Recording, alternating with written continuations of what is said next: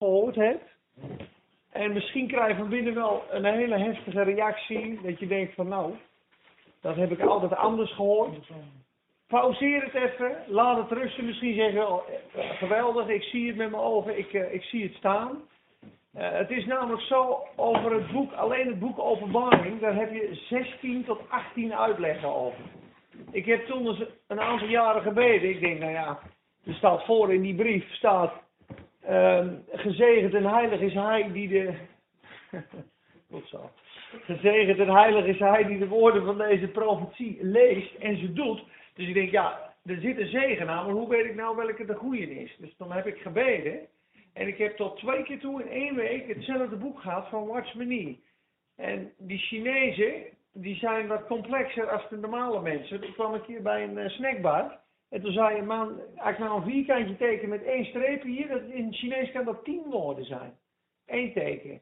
Dus het, het feit dat, ze uh, zo uniek denken, is voor het boek Openbaring best wel uh, fijn. Want um, uitleggers van Openbaring zeggen, één vers kan wel tien verschillende betekenissen hebben.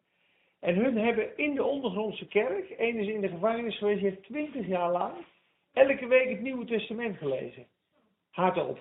Dus dat is duizend, duizend veertig keer. Dus ik lees bij hun dingen die ik bij niemand anders lees. En ik, hun leggen het ook uit op een manier dat je gewoon voelt van ja, dit, dit, dit zit goed. Ik voel gewoon dat ik het van de Heer gekregen heb. Dus ik lees het ook. Denk ik, vertrouw daar gewoon op. Ik heb ervoor gebeden.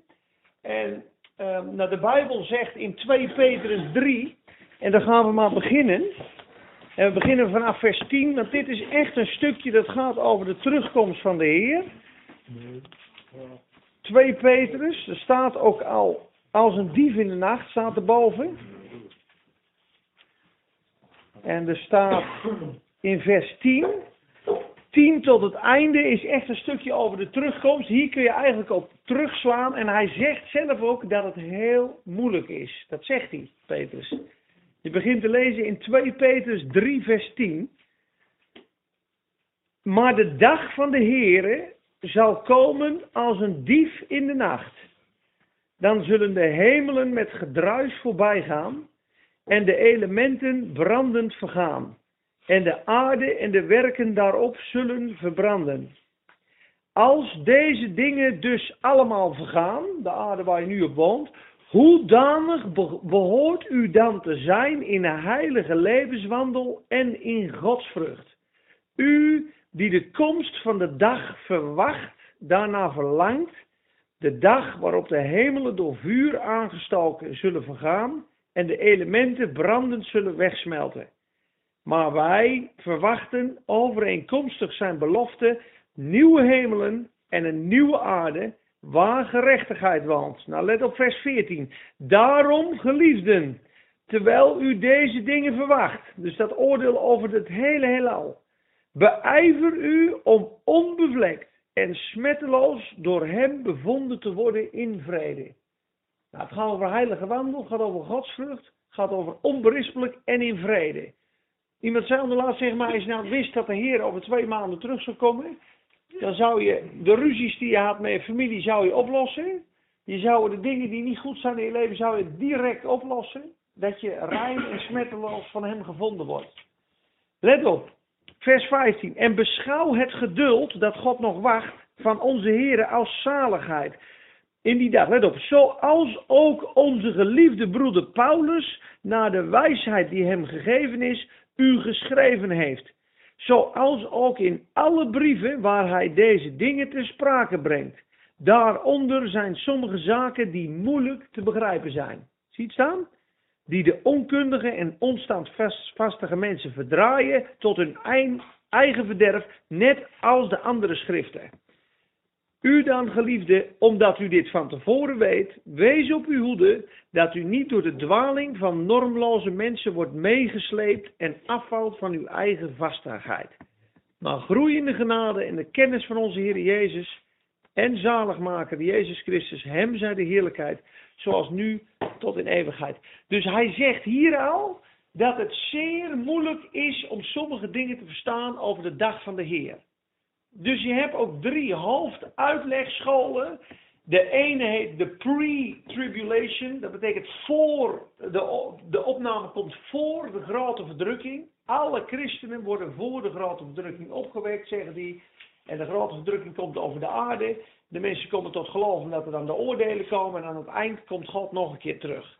De andere uitleg is de post, de na-tribulation. Die zeggen nee, alle christenen gaan door die verdrukking heen. En God haalt ze aan het eind erop. En dan heb je er nog een, die heet de partial tribulation. Dat is een deel gaat voor en een deel gaat aan het eind. En ik ben het met de derde eens. Omdat hij waar, waarschuwt in de Bijbel. Je hebt wijze maagden, je hebt dwaze maagden. Je hebt waakzame christenen, je hebt slapende christenen. Hier is hij, dit hele aspect, als we dit nu lezen, er zit een waarschuwend karakter in. Er zit in heilige wandel, godsvrucht, beijvert u om bevlekt gevonden te worden in vrede. dus de dag van de Heer, dat gaan we vandaag zien, is voor degenen die hem lief hebben, die hem op de eerste plek hebben, is het de grootste verlossing en zegen die er is. Maar voor degenen, ehm, noem maar wat, die eten en drinken met de wereld, zegt de Bijbel, hè? Als, als dezelfde dienstknecht in zijn hart zegt, ach, mijn Heer vertraagt, en hij begint te eten en te drinken met de wereld en zijn medebroeders te slaan, ja, dan komt zijn Heer op een moment dat hij het niet verwacht. En zal hij zijn deel zetten bij de huigelaars. En de huigelaars blijven in de verdrukking. Dus wat zegt de Heer dan? Je houdt nog zoveel van de wereld, blijf jij nog maar eventjes staan. En dan kom ik je straks halen. Want we spreken in de Bijbel over de eerstelingen de eerstelingen van het veld, in, dat kun je nalezen thuis in Leviticus 23 en Exodus 23, vers 19. Daar staat de eerstelingen van het land gingen vroeger niet naar de schuren, die gingen naar het huis van God. Rechtstreeks, dat was voor God. Dat was uniek. De eerstelingen, het eerste vatje haring kost veel geld. De eerstelingen zijn altijd uniek. Nou, die zijn als eerste rijp. Die zijn kostbaar, die zijn waardevol. Die gingen vroeger rechtstreeks naar het huis van God, niet naar de opslagschuren. Dat betekent, de christenen die als eerste rijp zijn, dus een gekruisigd leven hebben en als de wijze maagden een lamp vol hebben en uitzien naar zijn komst en hun extra olie hebben, dan zegt de Heer van, jullie komen rechtstreeks in de tempel, jullie komen rechtstreeks naar mij toe. Dat zullen we straks gaan lezen.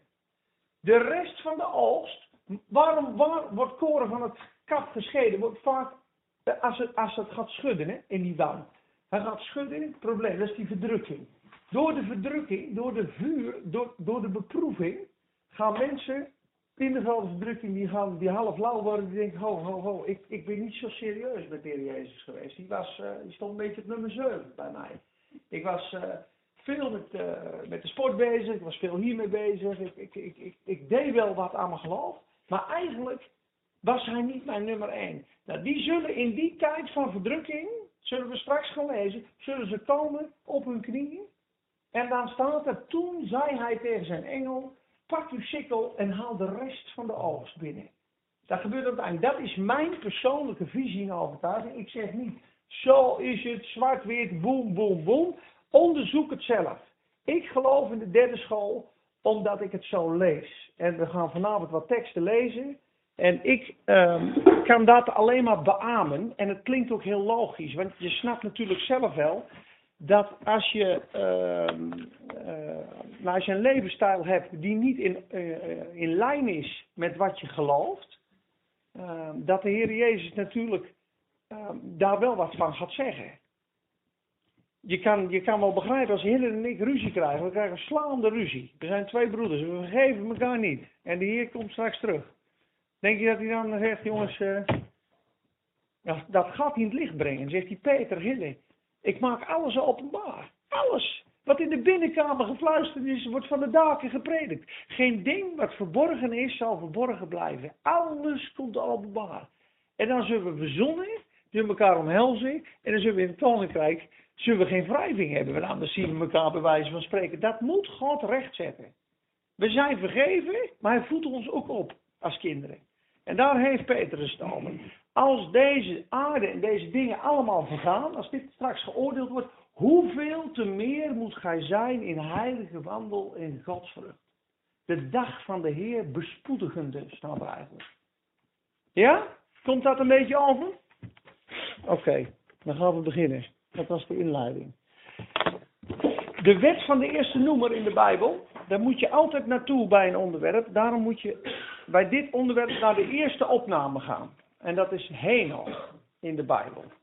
En dan weet je gelijk wat het essentiële punt is om opgenomen te worden. Want Henoch staat er, wandelde met God. En staat in Genesis 5 vers 24.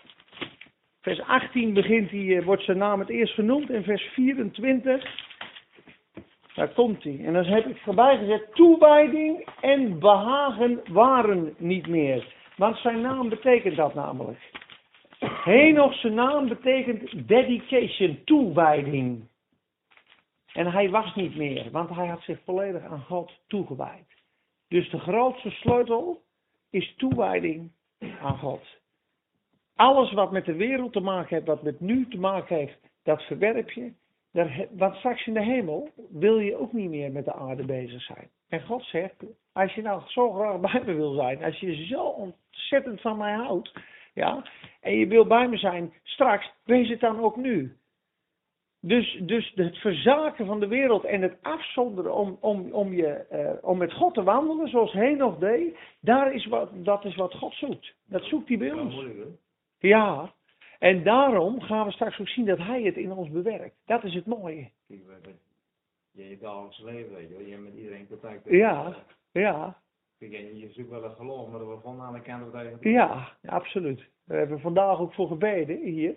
Dat is absoluut een werk wat alleen God kan doen. En daarom zal ik je straks ook bemoedigen, want er staat, hij die u roept is getrouw, die het ook zal volbrengen in u.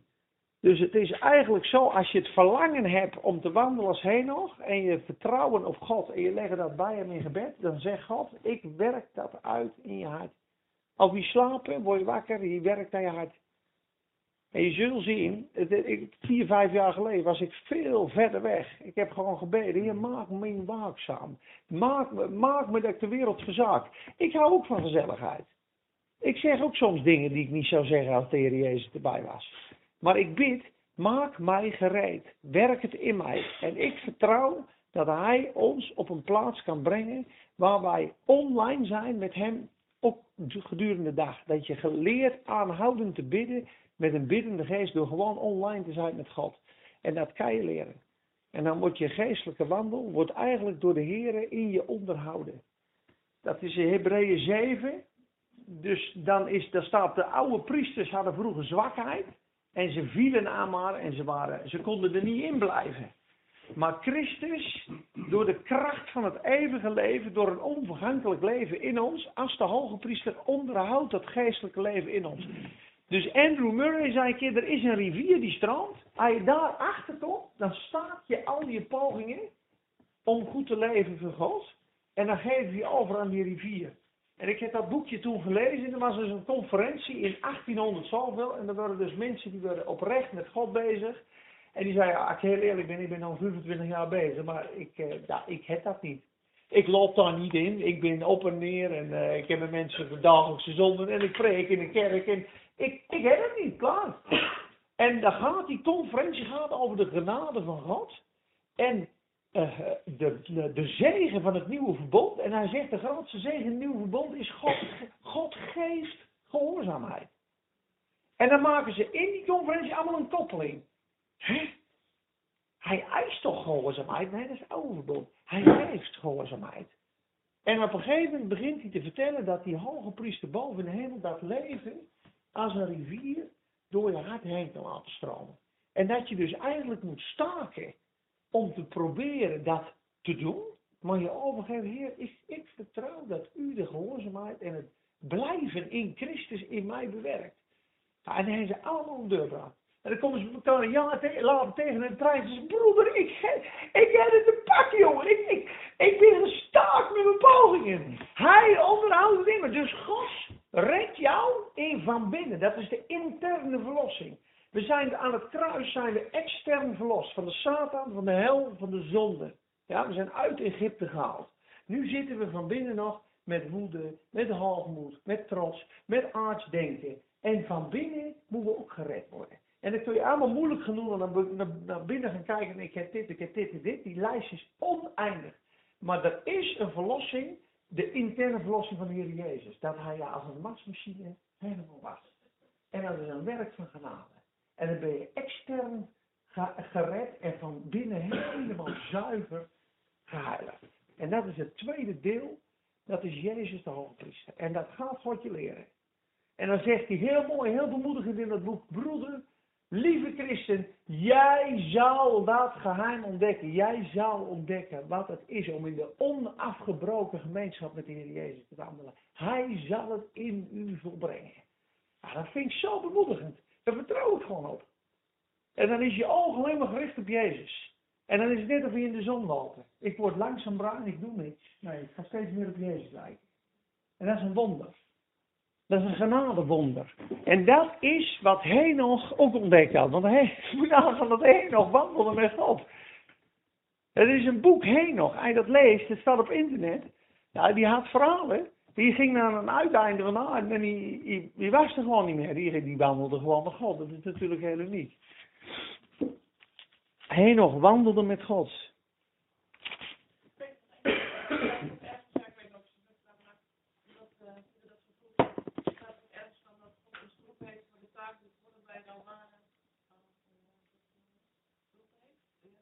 Voor de grondlegging der wereld?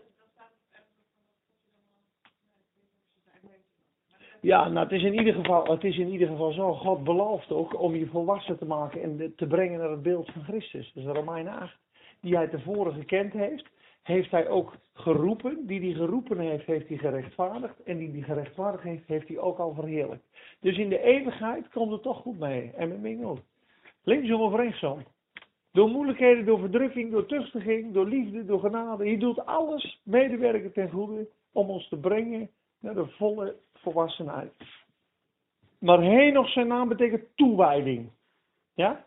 Toewijding was niet meer.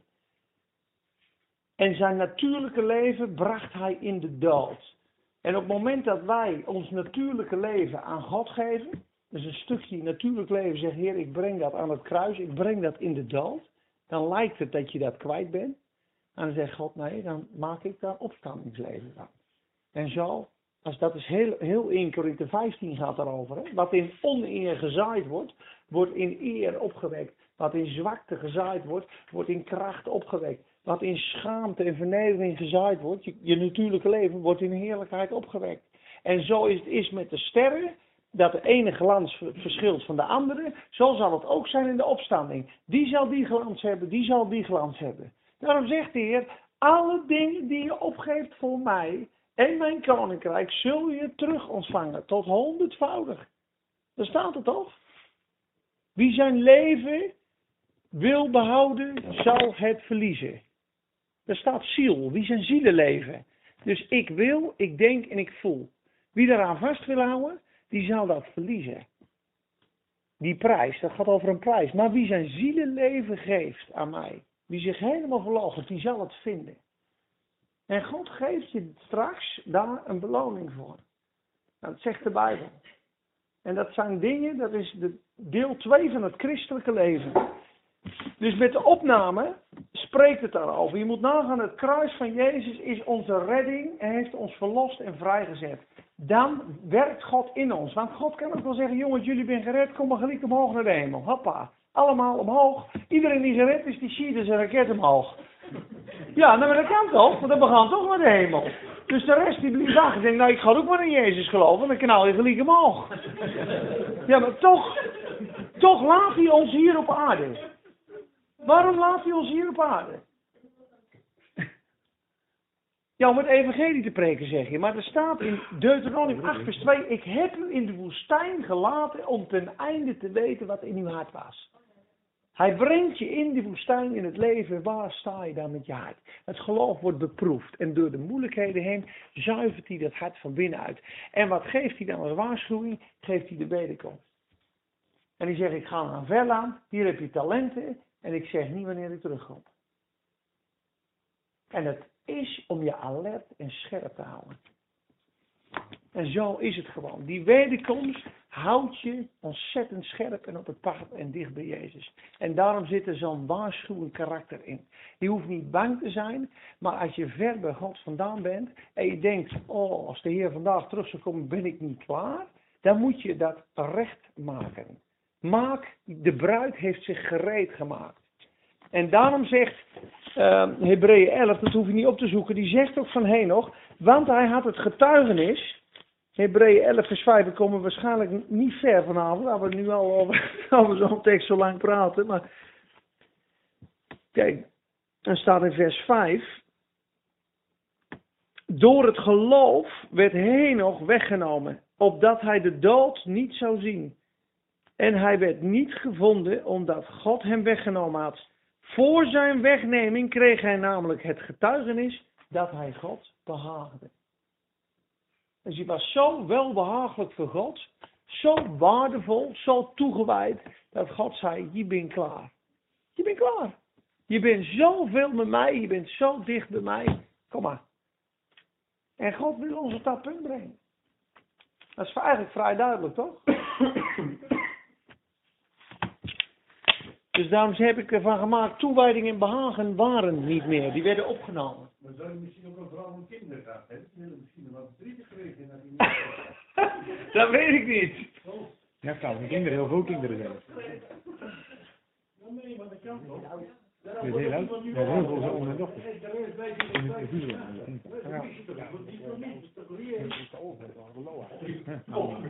Ja.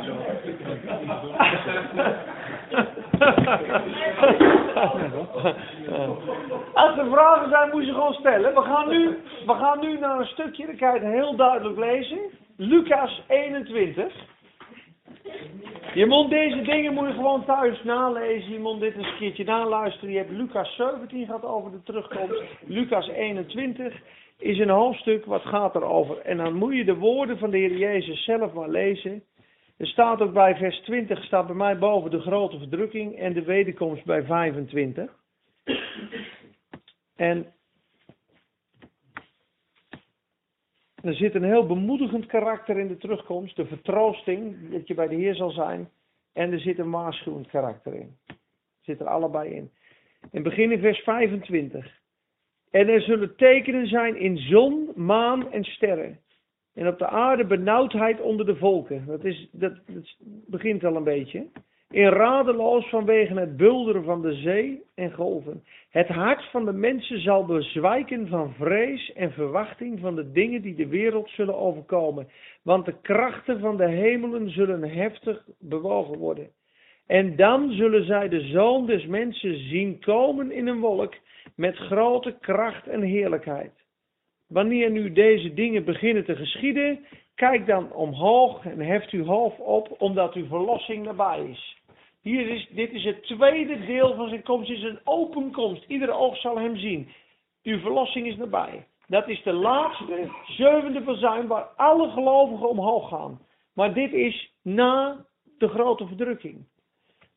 Nou, dan zegt hij, hoe, kom, hoe kun je hem ontsnappen? Dat zegt hij. Hij zegt, hoe kun je dit nou ontvlieden? Dan begint hij in vers 34. Waakzaamheid staat erboven. Wees op uw hoede dat uw hart niet op enig moment bezwaard wordt door roes en dronkenschap of door de zorgen van de alledaagse dingen, dat die dag u niet onverwachts overkomt. Dus hij geeft een waarschuwing. Want als een strik zal hij komen over allen die op de hele aarde wonen. Strikjes van de boze. Nou, wat geeft hij? Waakt dan te alle tijden. En bid dat u waardig geacht zult worden om al die dingen die gebeuren zullen te ontvluchten en om te kunnen bestaan voor de zoon des mensen. Nou, hier is het de spijker op zijn kop. Hij zegt hier duidelijk, waakt en bid, ja, te alle tijden dat je waardig geacht mag worden, dat je al deze dingen, die testen, kan ontvluchten en te staan voor de zoon des mensen. Waarom? Omdat ieder mens en ieder geloof door een test en een beproeving heen moet. Paulus zegt duidelijk in Handelingen 14, nadat hij gepreekt had, wij moeten door vele verdrukkingen ingaan in het koninkrijk van God. Wij hebben allemaal beproevingen in ons leven. Die moeten gebeuren. Daarom zegt Petrus, mijn broeders, acht het niet als iets vreemds als de vuurgloed der beproeving komt. Alsof er iets raars gebeurt. Want dit moet gebeuren, opdat zijn heiligheid en zijn heerlijkheid in u geopenbaard wordt. Het lijden van deze tegenwoordige wereld weegt niet op tegen de heerlijkheid. Dus linksom of rechtsom, je zal een keer een moeilijke collega op je werk hebben. Je zal een keer mensen hebben die jou pijn doen. En je zal in situaties komen waar je God van harte nodig hebt. En dat doet hij om je klaar te maken en om je volwassen te maken. Het is Bijbels. De, de duidelijkste tekst hierover is Filippenzen 1 vers 29. De thuislezer staat, het is u gegeven door God, door zijn genade, niet alleen in hem te geloven, maar ook met hem te lijden. Dat is een genadegave. Want wie deel heeft aan het lijden, heeft ook deel aan de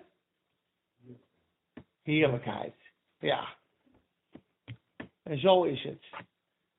En daarom zeg ik, dit is, een, dit is zware kost. Dit ga je ook niet in één of twee dagen veranderen. Je moet ook niet na zo'n les nu zeggen, oh ik, ik ken nog dit, ik ken nog dat, ik ken nog zus, ik ken nog zo. Dat moet nu veranderen. En je wordt helemaal panisch en je gaat op jezelf en je eigen kracht, je eigen veranderen. Niet doen. Zeg gewoon dit, Heer Jezus, ik zie in mijn leven dat bepaalde dingen, ja die moeten anders. Ik geef dat aan u. Ik breng dat bij u en ik dank u dat u dat uitwerkt in mij. En ik laat het los en ik geniet van mijn dag en ik rust op uw genade.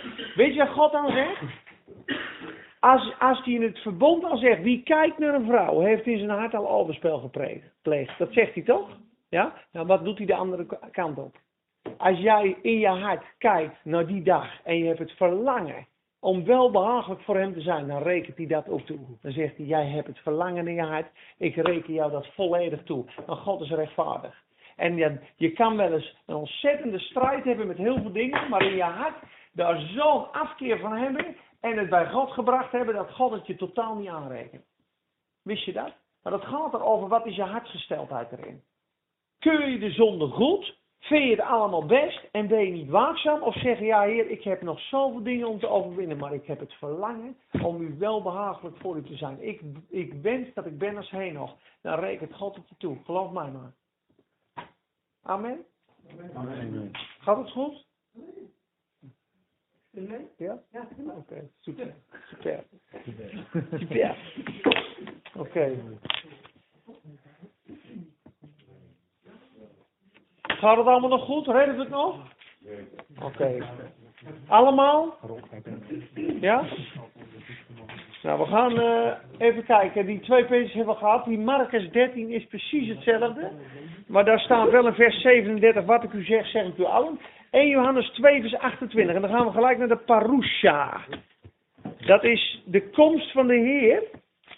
Maar de Heer komt als een dief in de nacht en in een oogwenk, staat er.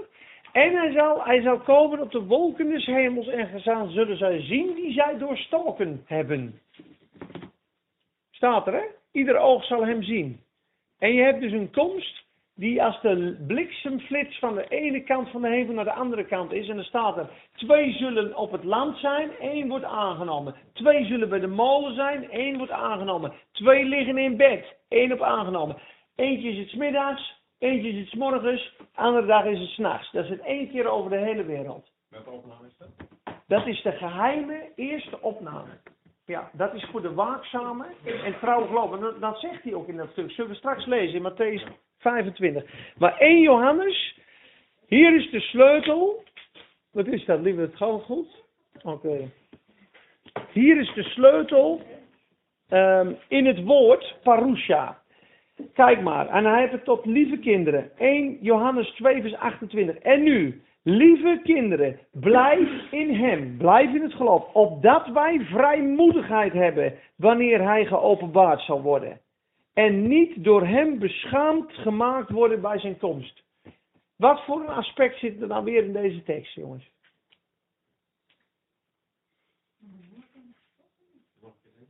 Weer waarschuwing. Lieve kinderen, blijf in hem, opdat wij vrijmoedigheid hebben, wanneer hij geopenbaard zal worden. En niet door hem beschaamd zullen worden bij zijn komst. Nee, waakzaam zijn. Weer was. Weer, weer waakzaam. Kleine lieve kinderen, blijf in hem. Dat als hij straks komt, dat je niet tot schaamte gesteld wordt. Hij zal je nooit verloren doen laten gaan. Je bent voor altijd zijn kind. Maar je snapt wel dat als je op een Gersonisos eiland in, in, in vertier en dronken en dr- dr- drank bent en je bent een kind van God en je hebt ruzie met je broeder, dat God je op dat moment in zijn volle heerlijkheid, dan sta je tot schaamte. En dat, daar waarschuwt hij tegen. En het woord hier, parusha, betekent presence, zijn tegenwoordigheid, zijn aanwezigheid. Dus de sleutel ligt precies in het woord.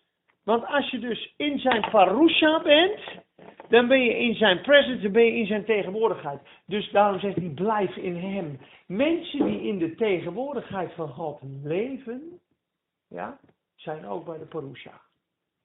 Vrij simpel. Dus wie zijn dat? Dat zijn mensen die Jezus op nummer 1 hebben. En ik zou je zeggen, als je wil leren blijven in Christus, moet je leren te bidden. En op het moment dat je voelt dat je uit de vrede van God komt, zeggen, Heer, breng mij terug in uw genade, breng mij terug in uw vrede. We eten drie keer op een dag. Het is helemaal niet gek om drie keer op een dag een stukje in je Bijbel te lezen en te praten met God. Aan het eind van de dag. En dan komt er op een gegeven moment een dag dat je in hem blijft. Want dat gaat hij je leren. Dat gaat hij je leren. Blijf in hem. Blijf in mij. Dan draagt gij veel vrucht. Johannes 15. Ik kijk aan jou aan. Ik zit daar naar jou te kijken. Oké vriend. Fijn. Fijn dat je. Maar, eh, maar eh, dat is de sleutel.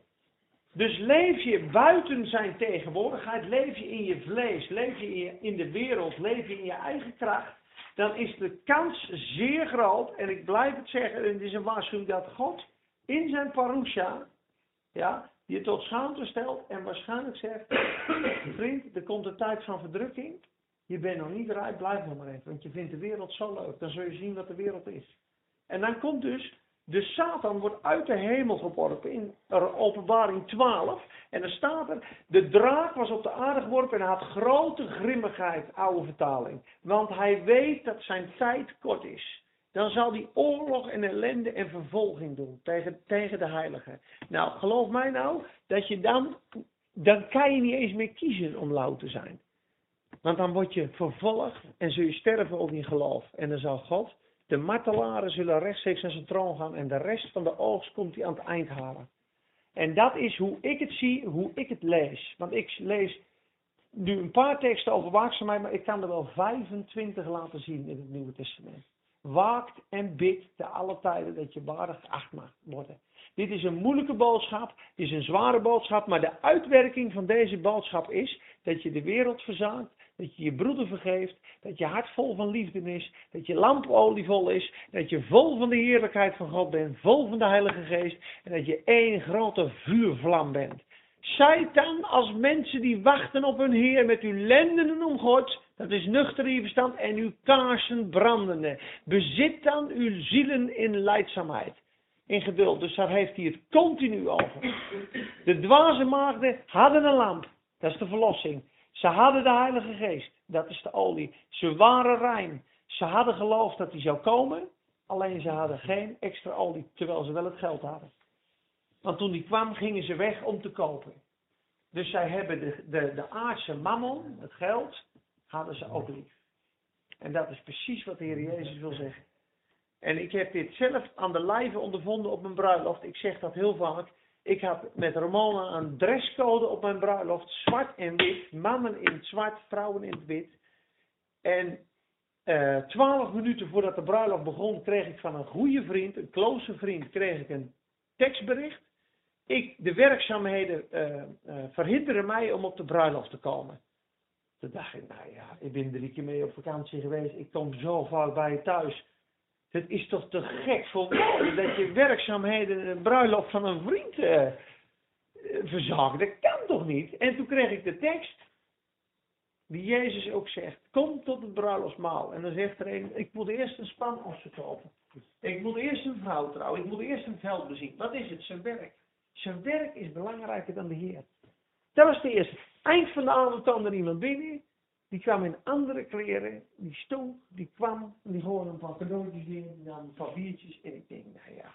Ik heb toch gewoon netjes gevraagd dat je een dresscode zwart en wit zou hebben. En toen zei God, ja, en dat is de man zonder het bruiloftskleed. dat is hem. Matthäus 22. En hij was vertoond en ze zullen van mijn bruiloftsmaal niet smaken. Vriend, hoe komt gij hier binnen? Maar hij had geen bruiloftskleed. En hij verstomde, staat er. En dat bedoelt de Heer te zeggen, dat als je straks op zijn bruiloft komt, wie nodig jij nou uit op die bruiloft? Wie nodig jij uit? Op die bruiloft? Je vrienden. Ja. Degene die je aan het hart liggen. En je familie. Dus de mensen die dichtbij zijn. Dus dan krijg je met Abraham heb je een totale andere behandeling als Lot. God vertelt zijn geheim wel aan Abraham. Mijn vriend Abraham. Maar aan Lot vertelt hij het niet. Petrus, Jacobus en Johannes, zeggen ze, waren dichter bij de Heer dan de andere negen. Constant neemt hij die drie mee. Omdat ze dat wilden. En dat is met ons precies hetzelfde. Waar staat Jezus? Dat is de hele essentie van de wederkomst. Waar staat de Heer Jezus in je leven? Staat het nummer twee? Staat het nummer één? Of is je hart branden? En zie je uit naar zijn komst? Ga maar eens mee. Die, wederkomst. Iedereen roept nou dat dat, gaat, gebeuren binnen, binnen nu een, een aantal jaar. Maar waarom, waarom is, is, is, is dat werk zo? Of kan het nog een paar honderd jaar duren? Nou, dat geloof ik niet, nee.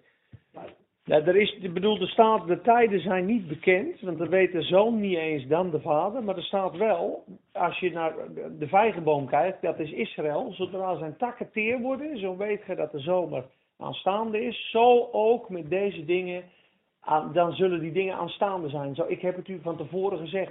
Dus als de belegering van Israël komt, Als de, ik bedoel, we zitten nu met eh, de chipkaart. Hè. Het is nu pinnen zo. Straks wordt het pinnen zo. Dan, je snapt zelf wel dat we met, met chipjes in de huid zitten zo. Je kan al heel dicht bij het merk tegen zitten.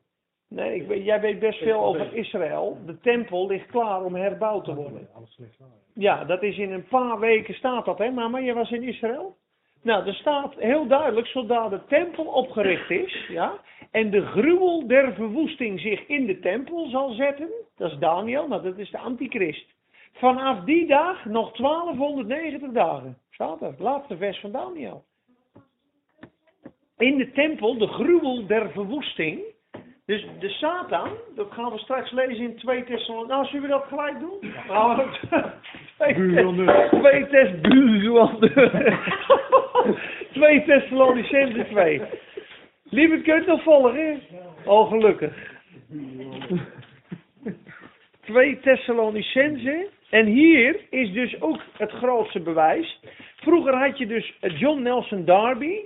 Dat is in 1800 begonnen. Die is uit het kerksysteem gegaan. Die heeft de broederen opgestart. En die waren zeer ver met heel veel dingen. Die hebben de hele Bijbel opnieuw vertaald. En ze hadden op één punt, hadden ze dus een beetje strijd met de Newton groep. En dat ging dus, John Nelson Darby zei, alle gelovigen gaan voor de grote verdrukking omhoog. En daar gebruikte hij 2 Thessalonicenzen 1 vers 10 voor. En als je dat vers leest, dan denk ik, ja, die man heeft gewoon gelijk. Daarom zijn er ook heel veel verschillende uitleggen. 2 Thessalonicenzen, waar ben ik?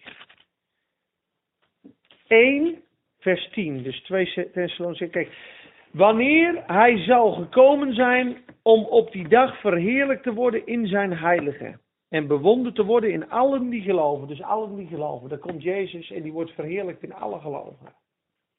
Nou, hij zegt daarvan, zie je, dat is voor, voor, voor de grote verdrukking. Nou, de Newton groep, die zei, nee, kijk maar eens in hoofdstuk 2. Dat klopt voor geen, geen meter. Want hoofdstuk 2 begint in vers 1. De openbaring van de mens de wetteloosheid staat erboven. En wij vragen u dringend, broeders, met betrekking tot de komst van onze Heer Jezus en onze vereniging met Hem, ja, dat u niet snel aan het wankelen wordt gebracht of verschrikt, niet door een uiting van de geest, van een geest, niet door een woord, ook niet door een brief die van ons afkomstig zou zijn, zegt Paulus, alsof de dag van Christus al aangebroken zou zijn. Laat niemand u op enige wijze misleiden. Nou, dat is een hele fijne tekst, hè? Want die dag komt niet, tenzij eerst de afval gekomen is en de mens van de wetteloosheid, de zoon des verderfs, geopenbaard is. Dus hun zeiden, nou, klopt niet. Die dag komt niet, Tenzij eerst de afval van de waarheid is, de apostasia, en de zoon des verderfs, ja, de Satan geopenbaard is. Die, en wat lezen we verder? De tegenstander die zich ook verheft boven alles wat God genoemd of als God vereerd wordt. Zodat hij als God in de tempel van God gaat zitten en zichzelf als God voordoet. Herinnert u zich niet dat ik deze dingen zei toen ik nog bij u was? En u weet nu wat hem weerhoudt. Ik zeg dat is de waarheid. Omdat de waarheid zal weggenomen worden, wordt hij geopenbaard. Opdat hij op zijn eigen tijd geopenbaard wordt. Want het geheimenis van de wetteloosheid is al werkzaam. Dus er is een onzichtbare, listige macht van wetteloosheid, die is werkzaam. Die je steeds verder bij de waarheid van het evangelie wegbrengt. Die alles langzaam in slaap brengt. Het mysterie van de wetteloosheid is al aan het werk. En het brengt iedereen in slaap. En het weg bij die waarheid. De apostasie.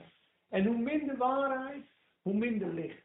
Hoe minder licht, hoe meer duisternis er gemanifesteerd wordt. Op een gegeven moment is het zo ver vervallen dat de zoon van het verderf, de Satan zelf, geopenbaard wordt. En zich in de tempel gaat zitten. Ik ben de Messias. Ik ben de, ik ben de Messias, de heilige van God. Ik kom vrede scheppen in het Midden-Oosten. Leven de waters maar in. En het zal een charismatische man zijn, vol van wijsheid. En de gelovigen zullen zelfs verleid worden als God ze er niet voor bewaart. Zo ontzettende macht heeft hij. Dat indien het mogelijk was om de uitverkorenen te verleiden, zou hij de uitverkorenen verleiden. En omwille van de verdrukking worden de dagen ingekort, ja. Maar hij zal zo smerig zijn. En dan, dan gaan we maar gelijk verder. 1 Thessalonicense 5. Ja. Want er staat dus op het moment dat zij zeggen het is vrede, niks aan de hand, dan gebeurt het.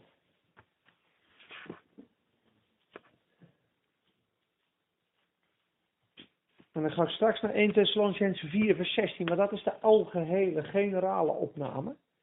Maar hij begint in hoofdstuk 5, nadat hij gezegd heeft, we zullen ontmoeten, ontmoeting hebben met de Heer in de lucht. Goed, onderstreep dat maar, in de lucht. Uh, 1 Thessalonicense uh, 4 vers 18, sorry, het laatste vers, ik ging even één vers terug, sorry, een beetje onduidelijk. Dat is de context, er staat, wij zullen de Heer ontmoeten in de lucht, vers 17. Ja. Zo zullen wij altijd bij de Heeren zijn. Vertroost elkaar met deze woorden. Nou, dat klinkt heel fijn. Dat is het bemoedigende aspect van de wederkomst. God zal ons halen en we zullen hem ontmoeten. Maar hier staat in de lucht. In de lucht, ja. Terwijl, als we straks naar openbaring 12 kijken, staat er... Het mannelijke kind van de vrouw ging rechtstreeks omhoog naar de derde hemel. Naar de berg Sion. Dat is ontwaakt dan te alle tijden dat je waardig geacht mag worden al deze dingen te ontvlieden en te staan voor de zoon mensen. Dus de eerstelingen, zei ik, die gingen niet naar de schuur, maar naar het huis van God. Die gingen rechtstreeks naar de hemel. Dit zijn, is de rest van de oost. Die gaat de schuur in, in de lucht, op de wolk. En dan zegt hij dus, kijk maar eens in hoofdstuk 5. Maar wat de tijden en de gelegenheden betreft, broeders, is het voor u niet nodig dat men u schrijft. Want u weet zelf heel goed dat de dag van de Heer komt als een dief in de nacht.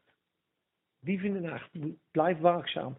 Want wanneer zij zullen zeggen er is vrede en veiligheid, dan zal een onverwacht verderf hun overkomen. Zoals de barensweeën een zwangere vrouw. En ze zullen het beslist niet ontvluchten. Het gaat over de ongelovigen. En dan zegt hij vers 4. Maar u broeders, bent niet in duisternis, zodat die dag u als een dief. En nou komt het woordje zou of zal. Ja, ja, zou. Ja. Dus, dus hij zegt, broeders, jullie zijn niet in duisternis, maar in het licht. Dus die dag zou u niet moeten overvallen. Michael de Zal. Ja, dat is absoluut fout vertaald. Want nu, als je zegt zal, dat betekent het dus, broeders, jullie zijn niet in de duisternis, maar in het licht. Dus die dag zal jullie niet overvallen. Dat zegt hij, hè? Mhm. Ja, maar lees maar eens door. Want wat zegt hij daarna? U bent alle kinderen van het licht en kinderen van de dag. Wij zijn niet van de nacht en ook niet van de duisternis. Laten wij dan niet, even als de anderen, slapen, maar laten wij waakzaam en nuchter zijn. Want die slapen, slapen s'nachts en die dronken zijn, zijn s'nachts dronken. Dus hij begint weer, zegt hij erachteraan. Die dag zou u niet moeten overvallen, want jullie zijn in het licht. Waakt. Wie waakt? Is dat zo duidelijk als wat of niet? En daarom zegt hij in 2 Thessalonicenzen, laat niemand u op enige mis- misleiden. Want die dag komt niet, tenzij dat eerste afval komt. Dus als jij nou een levensstijl hebt die totaal niet in lijn is met het christelijke leven en je gelooft dit. Ben je een kind van God. Die komt ons een bruid halen. Of ik dan in in duister ben of niet. Eh, ik, ik ben niet in duister, dus die dag zal mij niet overvallen. Terwijl die al een paar keer gezegd heeft, wie is dan de, de waakzame dienstknecht? En wie zijn dan de twee bij de molen? En wie zijn de twee op het veld? En wie zijn de twee op het bed? Dus de hele Bijbel zie je waakzaamheid en dan zie je één tekst waar het lijkt. Ja, alsof we, of die dag ons niet overvalt. Maar dan moet je goed lezen. Er staat achter, laten wij dan waakzaam zijn, want die dronken zijn, zijn s'nachts dronken. En dan gaat hij verder. Maar laten wij die van de dag zijn, nuchter zijn. Vers 8 weer. Bekleed met het borstharnas van het geloof, de liefde en met de hoop van de zaligheid als he- helm. Want God heeft ons niet bestemd tot toorn, maar tot het verkrijgen van de zaligheid. Dus wat gaat God doen? God gaat straks de wereld oordelen. En hij komt terug om de wereld te oordelen. En hij komt om zijn bruid te halen. Ja?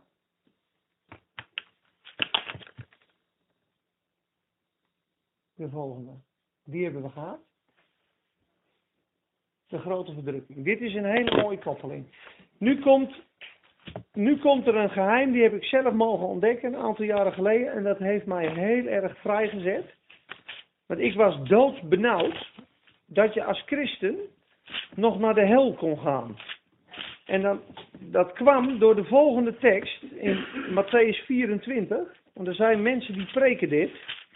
En snap wel waarom ze dit preken, maar het klopt niet. Matthäus 24, vers 13. En ik begin, laat ik het even iets eerder beginnen. Ehm, ja, dit, dit stuk moet je echt goed lezen. Matthäus 24 en Matthäus 25. Die moet je echt, dat zijn hoofdstukken, als je die leest met je hart en biddend, dan word je ontzettend wakker geschud. Daar heb je wijze maagden, daar heb je talenten, daar heb je echt van alles. Hier ook Matthäus 24 over de grote verdrukking. Wat, wat er allemaal staat. Velen zullen komen onder mijn naam. Vers 5. En zeggen, ik ben de Christus. En zij zullen velen misleiden. Valse christenen. U zult horen van Christussen. U zult horen van oorlogen en geruchten van oorlogen. Pas op, word niet verschrikt, want al deze dingen moeten gebeuren. En nog is het einde niet. Want het ene volk zal tegen het andere volk opstaan en het ene koninkrijk tegen het andere koninkrijk. En er zullen hongersnoden zijn en besmettelijke ziekten en aardbevingen in verschillende plaatsen. Maar al deze dingen zijn nog maar een begin van de weeën. Dan zullen zij u overleveren aan verdrukking en u doden. En u zult door alle volken gehaat worden omwille van mijn naam. En dan zullen er velen struikelen en elkaar overleven en elkaar haten. Er zullen veel valse profeten opstaan en die zullen er velen misleiden. En doordat de wetteloosheid zal toenemen, afval van de waarheid, ja, zal de liefde van de velen verkillen. Liefde en waarheid. Maar hier komt wie volharden toe, wie volharden zal tot het einde, die zal gered worden. Staat hier, hè? Nou, dat maken ze dus heel vaak. Je bent nu een kind van God, je bent gered. Nou, als je niet volhardt tot het einde toe, dan word je niet gered. Dus je moet door die verdrukkingen straks heen, jongen, en als je dat niet tot het einde toe doet, dan ga je alsnog verloren. Dat wordt echt gepreekt. Dat heeft mij jarenlang bang gemaakt. Dat snap je wel, denk ik. Maar waar gaat het volgende vers? Daarom is de context zo belangrijk. Waar gaat het volgende vers over? Vers 15. De gruwel, de verwoesting, er staat bij mij boven de grote verdrukking. Dit, dit is het hoofdstuk van de grote verdrukking. In Marcus 13, vers 13 lezen we exact hetzelfde. Dat hoef je niet op te zoeken. Dat lees ik snel voor. Dat gaat weer in het hoofdstuk over de grote verdrukking. Marcus 13, vers 13.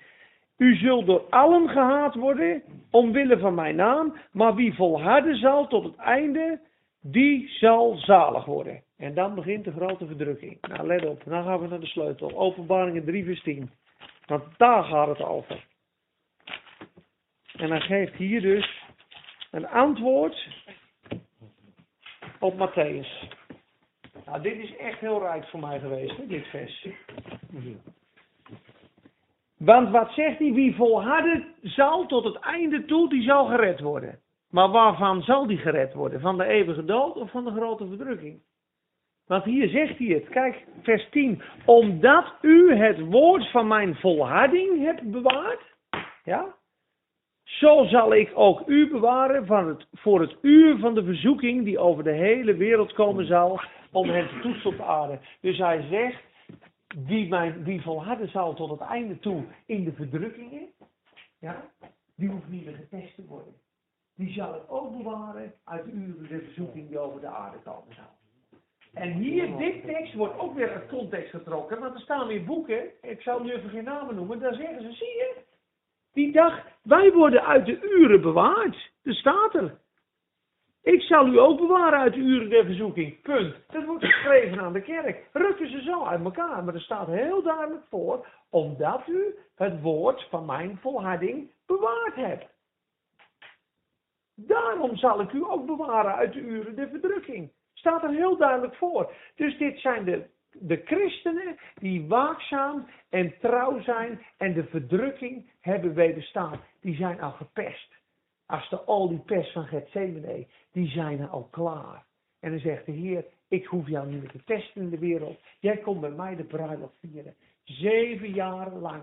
En dan komt hij straks, en dat zie je in Judas, dan zegt hij, ik zie de Heer met tienduizend van zijn heiligen komen. Zijn er maar 10.000 gered aan in de hele eeuwigheid? Wie zijn die 10.000? Heel simpel. Dat zijn degenen die Jezus op nummer 1 hebben. Tienduizenden van zijn heiligen. Want degenen die namelijk de bruiloft vieren, zijn degenen die overwonnen hebben. En daarvan zegt de Heer, ze hebben hem overwonnen. Door het bloed van het lam, het woord van het getuige. En wat staat erachter? En ze hebben hun eigen leven niet lief gehad tot in de dood. Juist. En dat zijn de mensen waarvan God zegt: Kom maar op het paard zitten met een zwaard uit je mond. Jullie mogen recht spreken over de vijand. Want je hebt de vijand overwonnen. Je bent in het leger van de Heer. Je bent op een wit paard. En je bent volledig gekomen in het leger van God.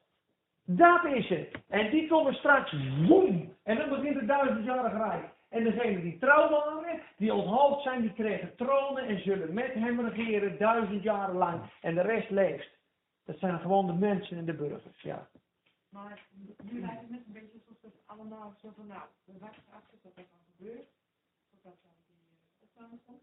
Alleen er zijn er zoveel mensen voor ons. Ja, goed, goede vraag. Ja, maar dan, als er dan 10.000 zijn, zitten er 150 Ja. hele hoop Ja, ja, tienduizenden, hè. Ik zie de Heer, ja, want ik heb hem hier, ik heb hier een foto, kijk. De Heer is gekomen met zijn vele duizenden heiligen. Ja, Maar die, die, die, mensen, die zijn al dood. Ja, dat klopt. al bij God. ja, Zou je kunnen zeggen, en ja, dus er is een extra opstanding. Er zijn natuurlijk al miljoenen martelaren geweest. Die Ja. Christus de brandstapel weer. Absoluut. De Romein die. Absoluut. Ja. Absoluut. En dat is het beeld van Matthäus 25. Als je Matthäus 25 heb je de, de maagden, de tien maagden. Vijf zijn eh maagdelijk en vijf zijn eh eh, dwaas, de wijzen en de dwazen. Dat zeggen ze, die tien, dat spreekt van alle christenen die gestorven zijn. En het volgende stukje gaat over twee mensen bij de put. En twee op het veld. Tien en twee is twaalf. Twaalf zijn alle mensen van God. Dus hij geeft in hoofdstuk 25 bij de dwaze maagden, geeft hij aan, dit zijn de mensen die zijn overleden, want zij sliepen, ja, ze zijn in slaap gevallen, ze worden wakker, hé, hey, de bruiloft komt eraan, ze maken hun lampen gereed. Dus straks is er de opstanding van de doden en dan worden we geoordeeld. En degenen die dus in het verleden als martelaren trouw zijn, zullen met hem ook de bruiloft vieren. Zeven jaar. En die zitten ook in dat leger.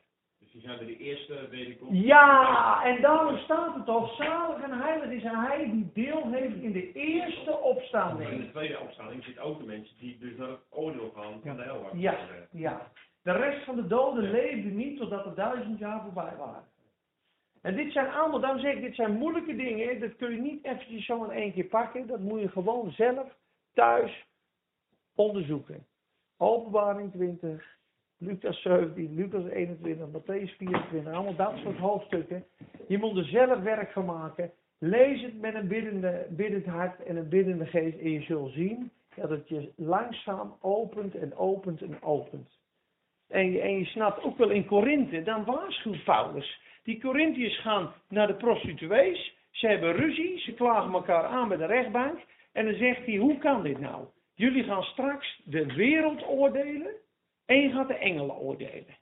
Nou, kan jij zie jij het al voor je, dat als je met een joint en een halve fles champagne en ruzie met je broeders, dat je dan de wereld en de engelen gaat oordelen? Dat, kan toch niet?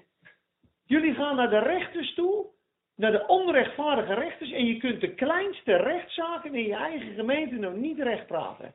Hoe zullen jullie ooit de wereld gaan oordelen? Dus hij, ze moeten, dat staat ook in openbaring 20, hun werd gegeven, omdat zij waardig waren, het oordeel. Dus straks moet je dus de zonde overwonnen hebben, ja, in je wandel. Je moet leren bidden als een priester en heersen als een koning. En dan ben je samen met God mag je regeren en dan kun je tot de engelen en tot de wereld spreken. En dat is echt een stuk, dat wordt bijna nooit gepreekt. Zeven jaar is dat echt zeven jaar. En duizend jaar zijn dat echt duizend jaar. Ik geloof van wel. Ik geloof van wel. Zijn er nog vragen? Ja, ik eh, snap het niet helemaal als de liefde, als de wetteloosheid afneemt, dan neemt de liefde ook af. Ik snap het niet. Nou, als je dus de wetteloosheid toeneemt, dus mensen gaan steeds meer de zonde eh, goed praten, ja, dan verkilt de liefde, de agape-liefde van God. Nou, het staat 1, Johan- bijvoorbeeld 1 Johannes 2, er staat heb de wereld niet lief. Want indien iemand de wereld lief hebt, de liefde van de Vader is niet in hem. Ja, en de begeerlijkheid van het vlees, de begeerlijkheid van de ogen en de grootheid van het leven. Nou, dat zijn allemaal dingen. Ja, ja, de agape van de meester wordt verkild. Wat komt er nou die tweede opstanding? Nou, komt er dan de duizend jaar vrederijk? Komt dat... Ehm, nee, de tweede opstanding is de grote witte troon. Dat is na de duizend jaren. Maar waar zit die duizend jaar dan? Er zit dus de eerste opstanding, dus de wederkomst, de eerste oogst en de tweede opstanding. Nou, je hebt, je hebt zo, Paulus zegt in Filippenzen 3, Ja? ik heb het nog niet gegrepen. Ik heb het nog niet gegrepen, ik ben nog niet volmaakt. Ja. Nou, dan spreekt hij over de hoge roeping in Christus. Ja. Dit doe ik, broeders, ik vergeet wat achter mij ligt en ik strek mij uit naar het doel wat voor mij ligt. Niet dat ik het reeds gegrepen heb of al volmaakt geworden ben, maar ik jaag ernaar. Nou, waar jaagde die naar? Dat is vers 11. Of ik enigszins mag komen tot de uit resurrection, tot de opstanding uit de doden. Dat betekent dat je voor de duizend jaar opgewekt wordt in de eerste opstanding en met Jezus duizend jaar regeert op aarde. Dat is de generale repetitie van de eeuwigheid. Dan na de duizend jaar wordt Satan voor een korte tijd losgelaten. En zal die van Gog en Magog alle mensen opstaan, doen opstaan tegen God. Openbaring 20 is dat. Nou, Gog en Magog, Gog, en Magog is Rusland en Moskou. Ezekiel 37, 38. Ze zeggen dus uh, Rusland met de Arabische bondgenoot. En Psalm 83 beschrijft alle landen die Israël straks aan zullen vallen. Maar in ieder geval, in de duizend jaar worden dus mensen geboren. Die zijn nog nooit beproefd. Dus de duizend jaren zijn straks over. Er zijn heel veel mensen op aarde geboren. En daar wordt de Satan lo- los opgelaten. En ze waarschijnlijk ook niet verleid in die tijd. nee, die zijn er nooit verleid. Die kennen ook niet echt het verschil tussen Precies. Ja, die Dus, zich aan de gewonen van de Heer. precies. Heer. Precies. En dan straks, en je zult zien, ze gaan als het zand der zee, gaan ze nog met de Satan mee. Je kunt het niet geloven. En dan staat er, er kwam een engel, die, die, en toen werd het beest en de slang en de grote profeet, werd in de poel des vuurs geworpen. En dan wordt alles verbrand en dan komt de nieuwe hemel en de nieuwe aarde, waarin gerechtigheid wordt en dan zijn wij allemaal koningen. Dus niet alleen die duizend jaar regeren als koning, want dat is een prijs, maar er staat in openbaring 22 duidelijk, dan zullen zij allen als koningen heersen in het heelal. dan, dan, dan zal het vervuld zijn.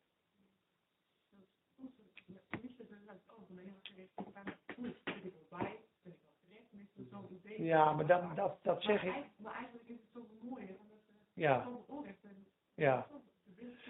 Nou, de geest in de bruid zeg ik kom, ja. Ja, dus het Ja, ja, uiteindelijk doet dit, deze boodschap is voor je vlees en je natuurlijke leven een crime. Dat is ook niet leuk. Hè, ik zei eens een geheim uit de Bijbel geven. Toen Jacob de ladder uit de hemel zag komen, ik heb volgens mij tegen jou verteld van de week. Hè, dan, toen, dan heet hij Jacob. En de ladder komt uit de hemel en hij wordt 's morgens wakker en hij zegt, dit is een verschrikkelijke plaats. Het kan niet anders zijn dan het huis Gods. Dan gaat hij weg bij Bethel, bij het huis van God. Dan moet hij naar Laban, zeven jaar voor Rachel wordt hij belazerd. Zeven jaar voor Lea, dat was dat. Dan, dan voor Rachel zeven jaar. Dan zes jaar voor het vee. Ja?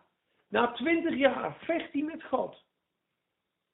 Wordt zijn heup, zijn eigen kracht gebroken. Verandert hij in Israël, prins van God. Dan gaat hij terug naar het huis van God, naar Bethel. Vindt hij het fantastisch. Wist je dat het vlees het verschrikkelijk vindt in het huis van God, in de kerk? Want daar is de Heilige Geest en daar is de wereld niet meer. Een echt vleeselijk mens vindt het niet fijn bij God. En daarom moeten wij van Jacob naar Israël. Wij moeten van melk, baby's opwassen, volwassen worden. We moeten leren dat we God volgen in alle dingen. En het kruis, neem dan dagelijks uw kruis op. Een gekruisigd leven, ja, dat brengt de heerlijkheid. Ik wil misschien nog voor de duidelijkheid van Ja, begin tot eind van dus ik snap het zelf ook niet meer.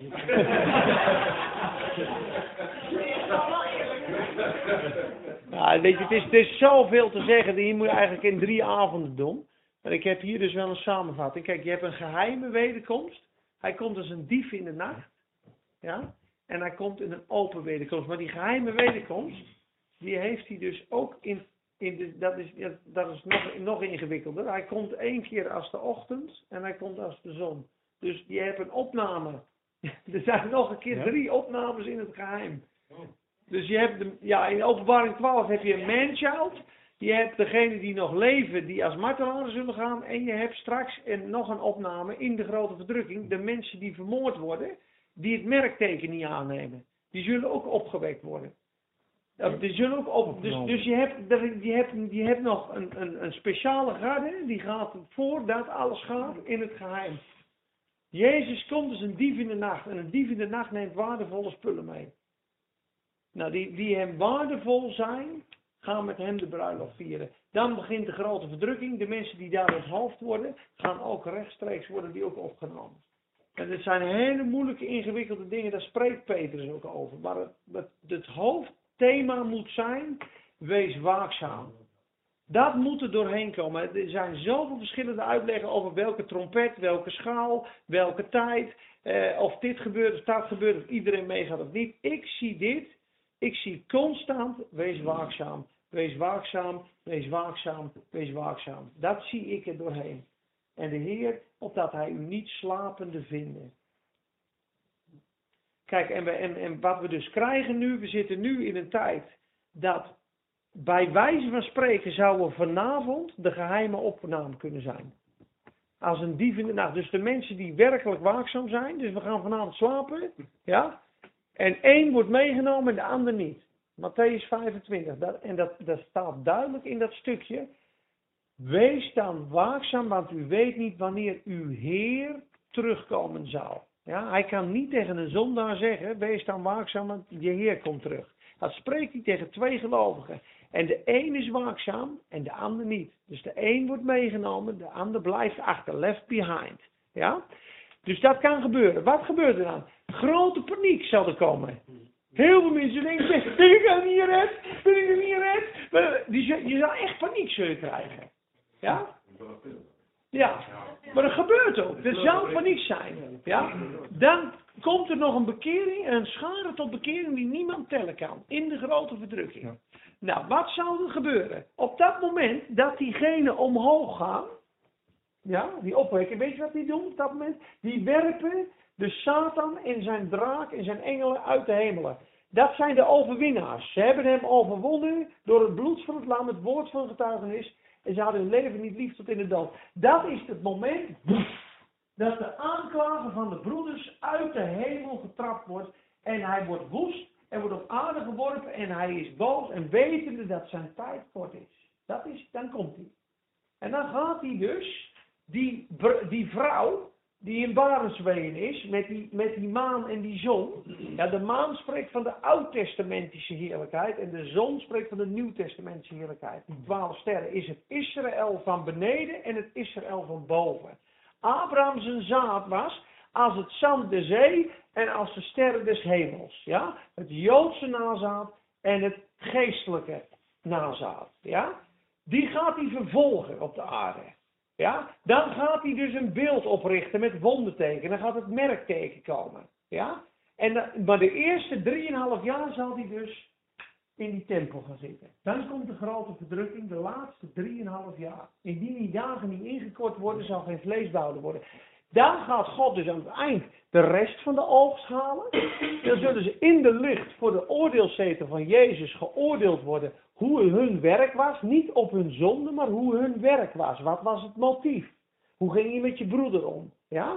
Dan krijgen ze hun loon en hun eh, kroon. De profeten en die zijn naam vrezen. Dan begint het bruiloftslam van, eh, van het lam. Openbaring 19. Zijn bruid heeft zich voorbereid. Zij werd gegeven om gekleed te worden met fijn linnen. Dit zijn de rechtvaardige daden van de heilige. Dus de daden die je gedaan hebt in liefde voor God en liefde voor de medemens, is een mooi linnen kleed voor die bruiloft. Net als Psalm 45, ze is in het koninghuis, maar het tweede gedeelte gaat over een mooi borduursel. Het is, Christus is helemaal in je geweven. Dus je stralen. En die vieren dan de bruiloft. En daarna begint het duizendjarige rijk. En degenen die de bruiloft vieren, zullen ook met hem op paarden zitten en zullen ook met hem regeren. En na de duizend jaar wordt de Satan in de poel des vuurs geworpen. En de slang en de engelen en hun namen die niet geschreven waren in het boek des levens zullen gaan in de poel des vuurs die brandt van vuur en zwavel. En dan begint de nieuwe hemel en de nieuwe aarde, openbaring 21 en 22. En de stad is daar en het licht en de sterren en de, de volken die eromheen wonen. Dat is ook weer een heel geheim. Er zijn dus volken die eromheen lopen die de bladeren eten tot genezing der volken. Die zitten in het glans van de stad en wij wonen in de stad. Wij zijn de stad. We zijn straks het nieuwe Jeruzalem. Ingewikkeld, kan je het volgen? Is de stad nou op aarde of in de hemel? De nieuwe aarde. De hemelse Jeruzalem komt uit de hemel. Kijk maar eens, één, openbaring 21 sluiten we mee af, want anders wordt het te Wie veel. dan als het ware in de hemel en wie gaat er dan naar de nieuwe aarde? Dat weet ik niet. Ik weet ook niet alles hoor, wat dat betreft. Maar ik weet wel dat wij, Er is een hemel op aarde. ja, een nieuwe hemel en een nieuwe aarde. Maar het nieuwe Jeruzalem, dat komt uit de hemel op aarde. En het is een vierkante kubus, want het is net zo lang als breed als hoog. En het is 20.000 stadien. Een stadion komt van stadion 185 meter. 20.000 keer 185 meter. Zit je op 2350 kilometer in de lengte, de breedte en de hoogte. En de muren zijn van zuiver diamant, 64 meter dik. Ping ping, hè? Jopen? nee, maar kijk maar eens, openbaring 21 vers 2, daar staat...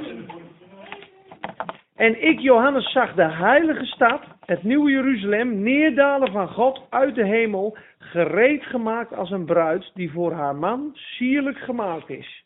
Dan vers 9. Een van de zeven engelen die de zeven schalen hadden, vol van de zeven plagen, kwam naar mij toe en sprak met mij en zei: Kom, ik zal u de bruid, de vrouw van het lam laten zien. En hij voerde mij weg in de geest op een grote hoge berg en liet mij de grote stad zien. Het heilige Jeruzalem dat neerdaalde uit de hemel bij God. Dus de bruid is de stad. Dus wij zijn de bruid, wij zijn de stad. Ik maak u een zuil in de stad van mijn God. En God zal altijd bij ons zijn. Amen. Ja, graag. Wat denk je? Al die